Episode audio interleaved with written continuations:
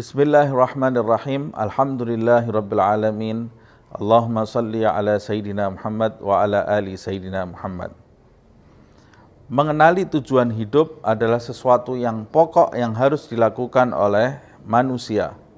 Sebab dari tujuan itu manusia nanti akan mencapai sesuatu yang dia inginkan dan tujuan itu terletak di dalam hati manusia dan setiap manusia harus mengetahui, mengenali, memastikan dan merenungkan apa tujuan yang ada di dalam hatinya selama ini setiap dia bertindak atau setiap dia mengucap. Sebab Allah Subhanahu wa taala menjelaskan kita tentang pentingnya mengenali tujuan itu di dalam ayat suci Al-Qur'an, begitu pula nabinya Muhammad sallallahu alaihi wasallam di dalam beberapa sabdanya.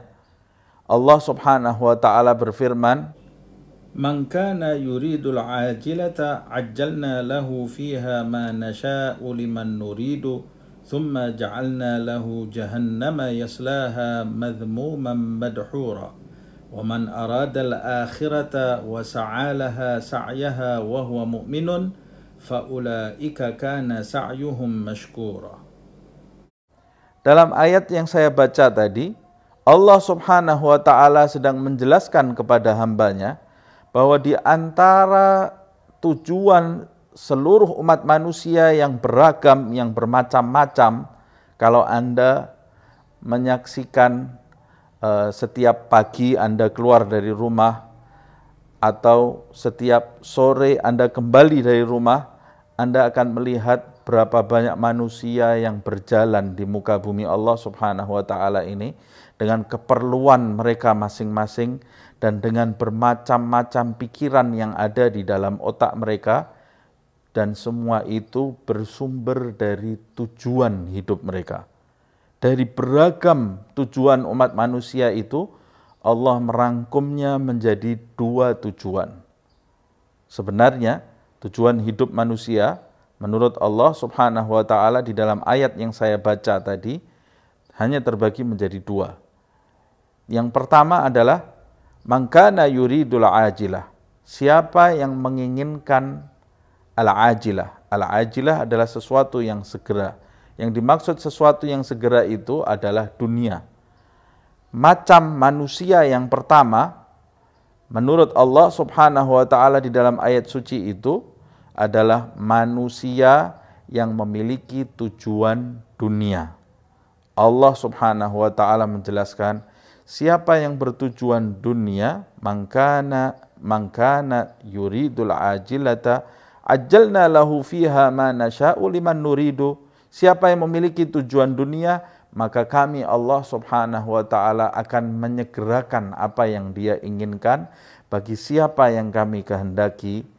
Ini menunjukkan dunia ini tidak ada artinya di sisi Allah Subhanahu wa taala sehingga siapa yang menginginkan baru menginginkannya di hati kata Allah maka kami akan segera memberikan dunia itu bagi siapa yang menginginkan dan bagi siapa yang kami kehendaki. Namun akhir hidupnya kata Allah Subhanahu wa taala lalu kami jadikan bagi mereka yang bertujuan hidup dunia itu akhir hidup mereka adalah neraka jahanam mereka akan dimasukkan ke dalamnya dalam keadaan terusir dan terhina. Kemudian macam manusia yang kedua Waman aradal akhirata. Siapa yang menginginkan akhirat? Kata Allah Subhanahu wa taala, siapa yang menginginkan akhirat? Akhirat itu sesuatu yang mahal. Kalau tadi dun, di, e, menginginkan dunia, Allah Subhanahu wa taala menyebutkan kami segera memberinya. Tapi karena akhirat sesuatu yang mahal, Allah Subhanahu wa taala memberi syarat. Waman aradal akhirata, siapa yang menginginkan akhirat, wa sa'alaha sa'yaha wa huwa mu'minun Allah memberikan dua syarat. Yang pertama, dia menginginkan akhirat, lalu dia bertindak, beramal sesuai dengan keinginannya. Jika dia menginginkan akhirat karena akhirat sesuatu yang mahal, maka dia harus berbuat untuk keinginannya yang mahal itu sesuai dengan apa yang dia inginkan. wa sa'alaha sa'yaha wa huwa dan dia dalam keadaan beriman faulaika kana sa'yuhum mashkura. Mereka itulah orang-orang yang usahanya disyukuri oleh Allah, kata ahli tafsir yang dimaksud disyukuri adalah diterima usahanya oleh Allah Subhanahu wa taala.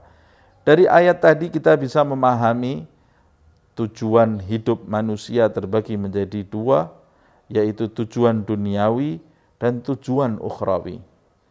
Yang dimaksud tujuan dunia adalah segala sesuatu yang ditujukan untuk selain Allah Subhanahu wa taala. Sedangkan yang dimaksud tujuan akhirat adalah segala sesuatu yang ditujukan untuk Allah Subhanahu wa taala. Manusia dalam perbuatan baiknya atau perbuatan mubahnya dia akan mendapat dengan sesuai apa yang dia tujukan marilah kita menilik tujuan hidup kita selama ini apa yang kita perbuat kita tujukan untuk siapa. Jika untuk dunia, maka kita termasuk orang-orang yang merugi. Jika tujuan kita untuk akhirat, maka kita tergolong orang-orang yang beruntung. Kenalilah tujuan kita, maka kita akan hidup berada di jalan yang benar.